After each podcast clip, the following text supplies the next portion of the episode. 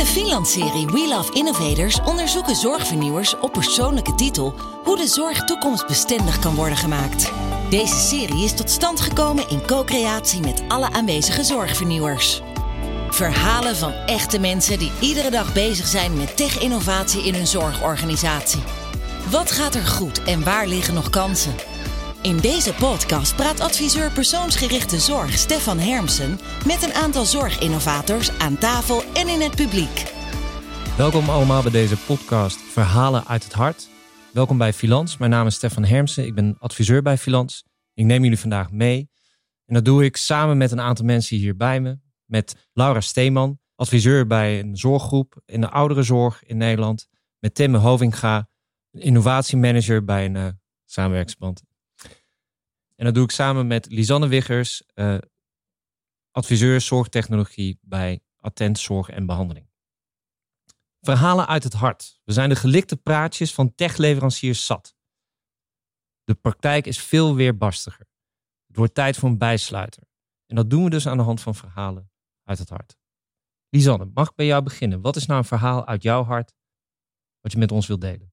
De praktijk is weerbarstiger. Wij zien dat medewerkers graag willen. Er ontstaan heel veel mooie initiatieven, samenwerkingsverbanden. Maar we zien ook dat er dingen ontstaan die vervolgens op de plank blijven liggen of aan het plafond blijven hangen.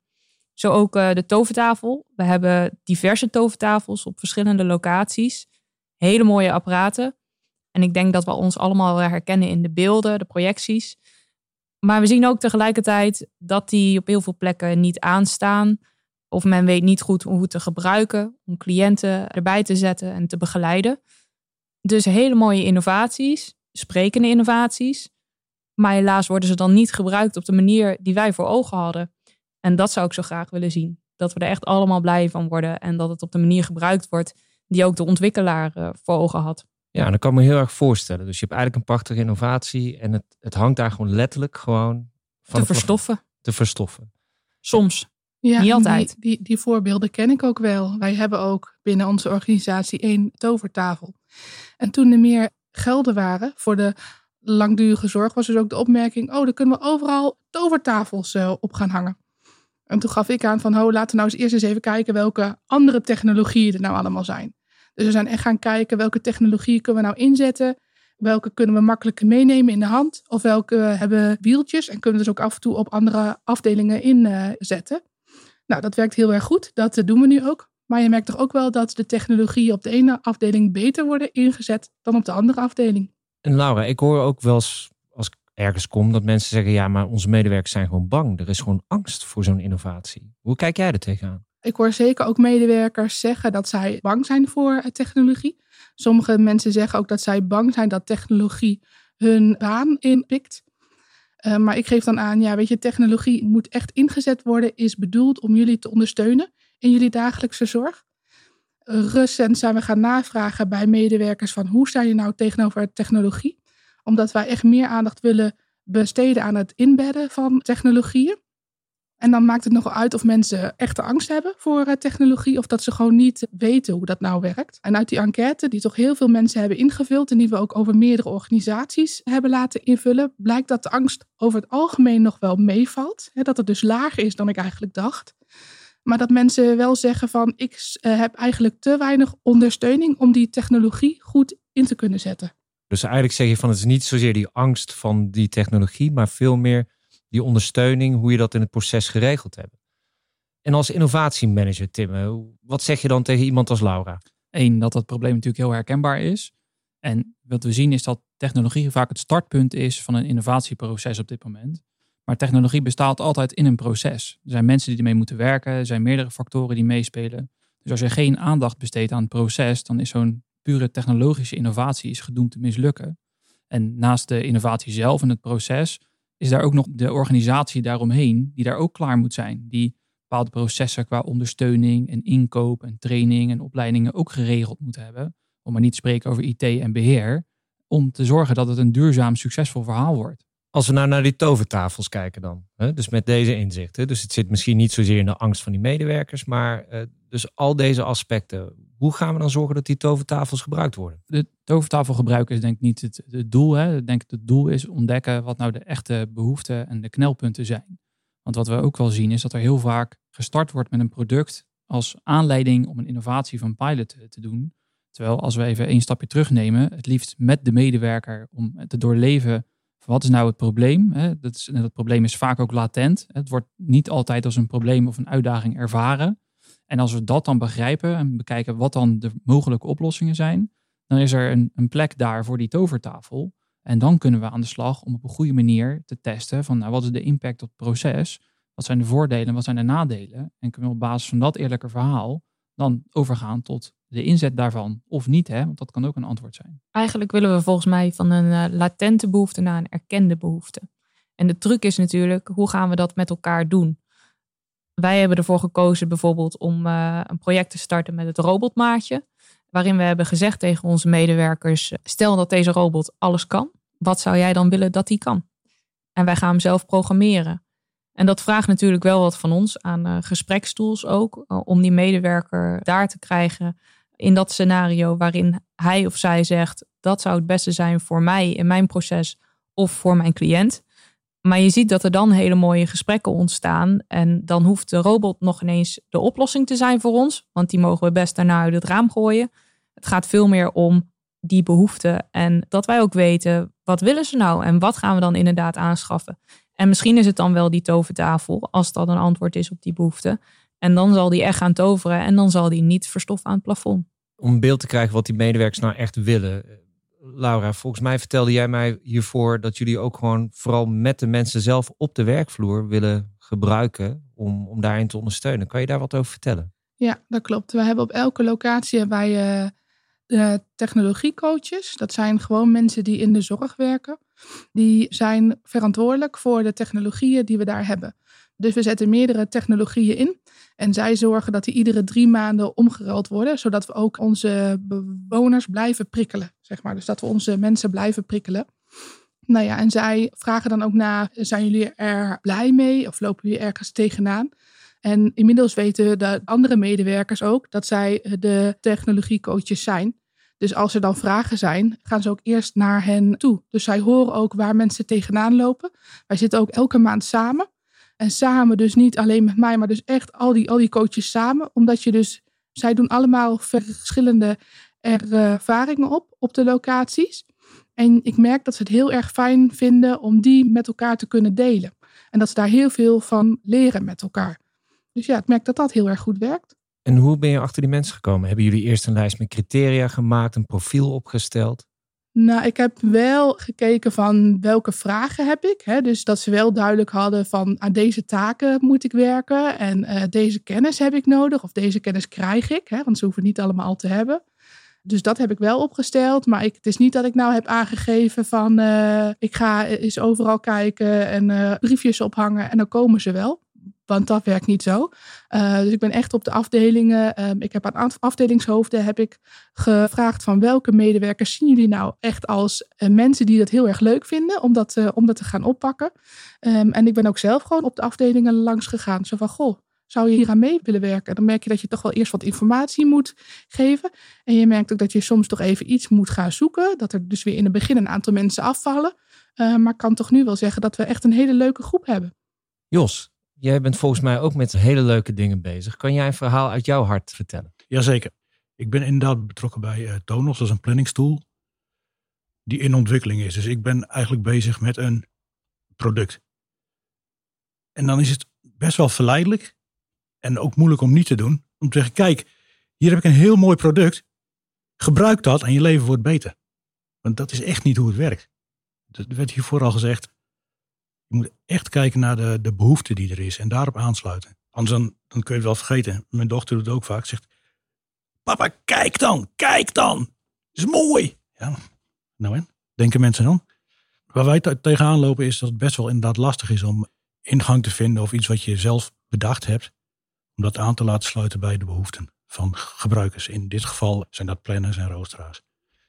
Wat we doen is um, iedereen die enigszins enthousiast is en het wel wil proberen, die komt gelijk in een gebruikersraad.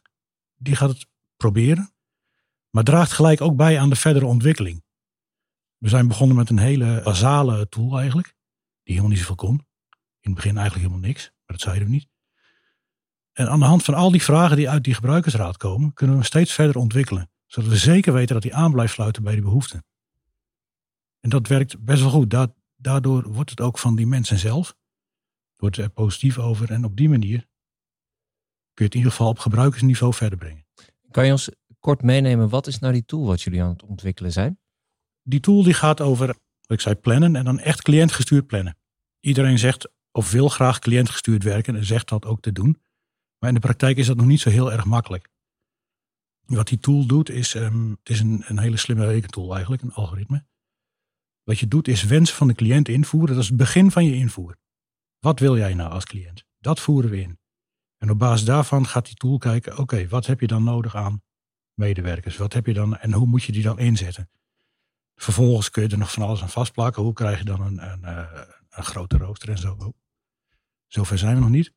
Maar het gaat echt om die kern, die wil, uh, die wens van die cliënt.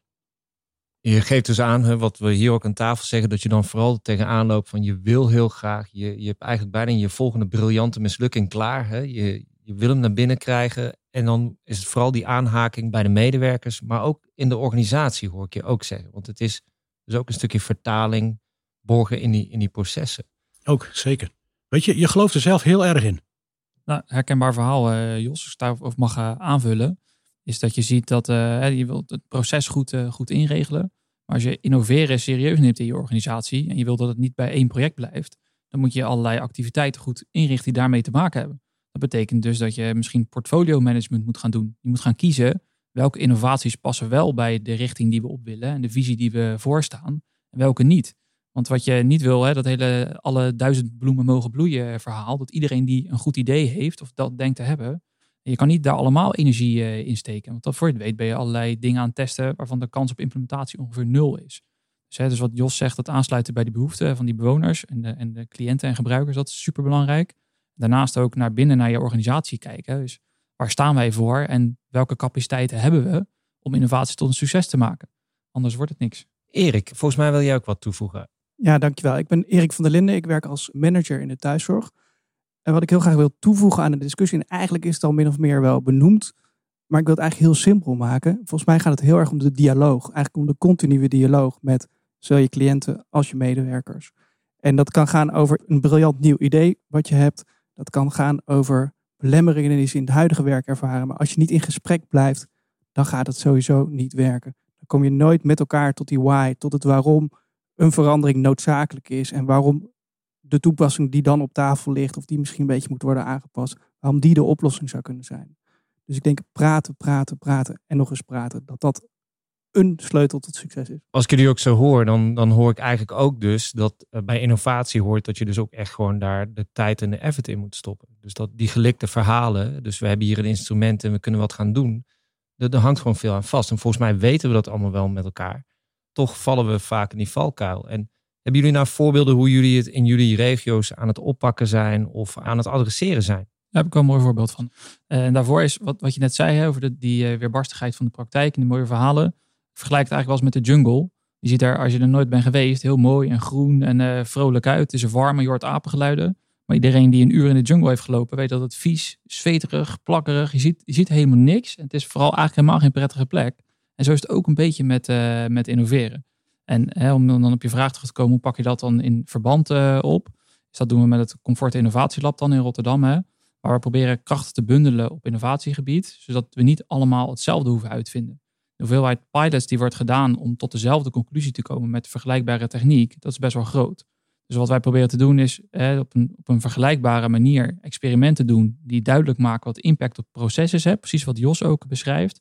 En die resultaten naar iedereen transparant communiceren dat scheelt ons gewoon allemaal werk. Zodat je kan focussen op de dingen waar jij denkt dat toegevoegde waarde in zit. Alles wat we daaruit leren, mag iedereen mag daar gebruik van maken. En dan kan je daar uh, met z'n allen sta je gewoon sterker op het gebied van innovatie. Dat is denk ik een van de voorbeelden hoe wij dat oppakken. Ja, bij ons, uh, wij doen het in regionale verbanden, maar ook eigenlijk heel kleinschalig.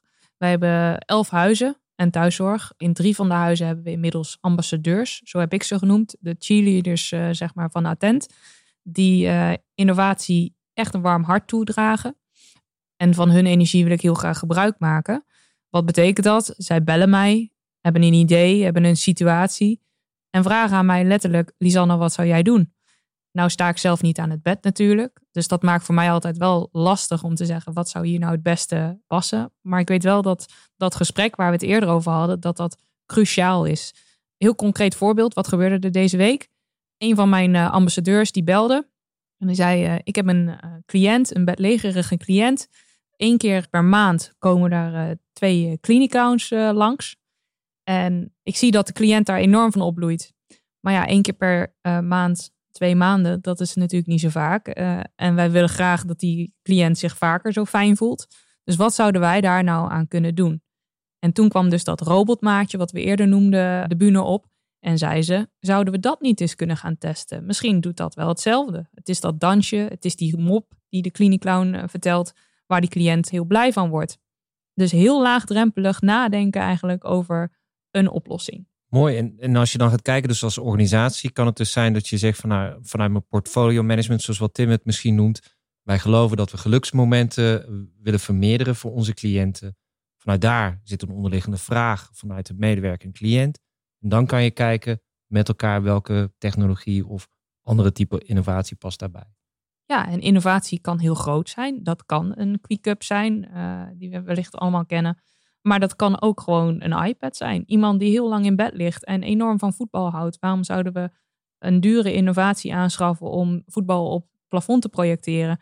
Als we wellicht ook zelf een standaard voor een iPad kunnen maken op het bed. En daar een voetbalkanaal op kunnen zetten.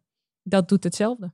En dat is ook innovatie, wat mij betreft. Nou, zeker. Laura? Ja, ik denk dat het een heel mooi voorbeeld is. Ik denk dat wij in het verleden vooral zijn gaan kijken naar welke technologieën zijn er. En oh, dat, dat, dat ziet er wel heel erg leuk uit. Laten we dat eens testen en kijken of dat past. En dat is eigenlijk niet de manier waarop dat eigenlijk hoort. Eigenlijk hoor je te kijken naar welke vraag ligt er nou eigenlijk. Hè? En daar heb je het net over. Welke vraag ligt er nou? En welke technologie kan er nou het beste bij helpen? Wij werken ook in de regio samen. En onze opdracht was eigenlijk van, goh, ga nou twee tot vijf technologieën testen en implementeren in de regio. En wij kwamen er dus ook achter dat heel veel technologieën nog te veel in de kast blijven staan. Dus we zeiden, ja, weet je, we kunnen wel nog meer gaan testen en implementeren. Maar laten we nou eerst eens kijken naar de basis waarom worden die technologieën nou zo weinig ingezet? En we zijn dus echt ons gaan richten op de acceptatie en de adoptie van zorgtechnologieën. Nou, en een van die dingen die we daar dus in hebben gedaan is die enquête waar ik het net over had. Maar een ander iets is dat we ook een uh, scholingstraject samen hebben gevolgd, waarin we vooral zijn gaan inzoomen op hoe kun je nou de Guest Journey. Dat is een hele chique naam voor kijken hoe een hele dag er eigenlijk uitziet. Zowel aan de cliëntenzijde als aan de medewerkerzijde. Um, dus hoe ziet dat er nou uit? Welke dingen vallen erin op? En hoe kun je dan via design thinking, is weer een hele dure term. Dus hoe kun je dan door te kijken van oké, welke zaken zouden hier nou goed op uh, in kunnen spelen? Hoe kun je dan kijken hoe je technologie dus meer vraag gericht kunt inzetten. En dat doen we dus als regio, maar vervolgens neem je dus weer mee terug naar je eigen organisatie. En wat ik binnen mijn eigen organisatie wel heel erg leuk vond, ik probeerde dat samen met een andere verpleegkundige op te pakken. Maar helaas kon ik niemand vinden die dat met mij wilde doen. En dus toen heb ik gevraagd of ICT en de technische dienst dat met mij wilde doen. En die waren heel erg enthousiast. Dat vond ik zelf wel heel erg grappig. Ik denk, oké, nou wat leuk. Dus ik doe met hun samen de scholing, maar ik heb dus ook met hun samen de guest journey op een afdeling onderzocht. En toen zei een ICT'er, die was eigenlijk heel erg verbaasd. Die zei van, ik zie hier dingen en ik denk, waarom heb ik dit nooit eerder gehoord? Hij zei, dit zijn dingen, ik, ik, praat toch echt heel erg vaak met mensen en ik vraag, wat kunnen we beter doen? Wat kunnen we anders doen? En hij zei, ik loop nu even mee. Dat ging maar over twee uurtjes die hij meeliep. Hij zei, ik zie nu dingen, dat kan toch vele malen makkelijker. En toen zei ik tegen hem, ja, maar wij werken in de zorg. En als zorgverlener weet je niet dat dat anders kan. Dat weet je niet. Dus daarom is het ook zo mooi dat juist een hele andere discipline meeloopt. Want dan zie je weer hele andere dingen. Uh, en dan zie je dus dingen die gewoon vele malen makkelijker kunnen. En dan sluit je ook meer aan op de vraag. Erik, volgens mij. Uh... Ja, ik wil uh, aansluiten bij Laura. Wat ik heel mooi vind wat je zegt, is dat je eigenlijk kijkt naar een zorgproces. En hoe je dit zorgproces een beetje kan veranderen. door bijvoorbeeld technologie. En volgens mij is dat ook weer zo'n sleutel. He, je hoeft niet per se iets heel nieuws te bedenken. Maar je kan kijken van hoe kunnen we bestaande dingen een beetje anders doen. En de techniek of welk hulpmiddel dan ook, dat helpt je daar dan bij. En op die manier krijg je dus ook veel makkelijker mensen mee. Wat mij hierin raakt ook eigenlijk is, is dat we dus vaak mensen vragen stellen. Terwijl je eigenlijk het observeren, het, het meelopen, het zien, dat dat je ook andere inzichten geeft. Delen jullie dat? Herkennen jullie dat? Ja, ja. simulaties eh, eh, hebben we regelmatig eh, gedaan eh, in het kader nachtzorg. Wat betekent, jij gaat niet meer zelf direct op een bel lopen als verpleegkundige. Jij wacht tot de centralist jou belt. Daar was heel veel ruis. Dus wanneer bellen zij ons? Eh, op welke bellen moeten wij gaan lopen? Wie zit er achter die centrale? Ik zie ze niet. Dus door middel van een kamer in te richten met gewoon hè, een cliëntenkamer en eh, de centralist uit te nodigen om gewoon achter de centrale te gaan zitten gedurende de dag. En zelf de bellen te gaan maken en wachtrijen te gaan eh, simuleren eigenlijk. Dan zagen ze hoe snel eigenlijk een centralist moet handelen en wat er eigenlijk ook weggehaald werd bij de zorg. Dus het laten zien, het laten ervaren, inleven in de cliënt, maar ook in die centralist die er zit. Dat is een van de dingen die maken dat technologie toch ook een succes kan zijn. daarop aan te vullen dan is, ik denk we het allemaal eens zijn over de waarde van het praten met de mensen waar het eh, om gaat. Wat ik daar wel aan toe wil is dat het wel belangrijk is om daar goede structuur en een proces bij eh, te laten passen. Omdat die resultaten moeten communiceerbaar zijn. En de oplossingen zitten soms echt twee, drie lagen diepe verstopt. Dus je hebt echt wel even de tijd en de skills nodig om daarop in te en door te graven. Anders kom je gewoon alsnog, dan lijkt het alsof je met de medewerkers hebt gekeken wat nou het probleem is. Maar je moet vragen, vragen, vragen, vragen. En dan komt er vaak een, eh, een oplossing eh, pas uit. Ja, met iedereen praten. Ja, het verschil wordt gemaakt in allerlei kleine zaaltjes met kleine groepen mensen. En ja, gebruik daar in hemelsnaam een goed proces voor wat goed communiceert. Want anders loopt het daarna in de rest van de organisatie weer vast. Dat is interessant, Tim. Jos, hoe kijk jij eraan? Het is al gezegd, maar dat, innovatie gaat vaak over techniek en technologie en al die dingen. Waarbij de nadruk erg komt te liggen dus op technologie en techniek. Volgens mij is dat niet per se wat het is. Techniek is een, een wat mij betreft welkome verbreding van je palet. Om je proces, je zorgproces zo goed mogelijk vorm te geven. Zo goed mogelijk toe te kunnen snijden op de behoeften van die cliënt. Zeg maar, je krijgt veel meer gereedschappen om dat te kunnen doen wat je wil doen. En dat kan van alles zijn. Dat kan zijn, wij hoeven u minder lastig te vallen. Als je het hebt over zo'n centrale. Dat kan zijn, u kunt met dit technische dingetje veel zelfstandiger door uw leven. Het kan van alles zijn. Het kan ook gewoon zijn, mijn leven als medewerker wordt makkelijker. Omdat dingen minder zwaar worden. Of wat dan ook. Ja. Dus het is nooit een doel in zichzelf, die techniek. En dus die, die why, hè, wat al eerder genoemd is, om daar goed achter te komen, daar is dat praten heel erg belangrijk voor om bij mensen te weten van wat vinden ze belangrijk. En daarna hebben we gewoon heel veel met elkaar te regelen. En wat, wat dit gesprek mij in ieder geval als inzicht gegeven heeft, dat dat bijsluiter natuurlijk gewoon niet de antwoord is. Want een bijsluiter die verdwijnt natuurlijk ook gewoon en niemand leest hem. Maar we moeten dus heel goed beseffen dat die innovatie, dat die om veel meer vraagt.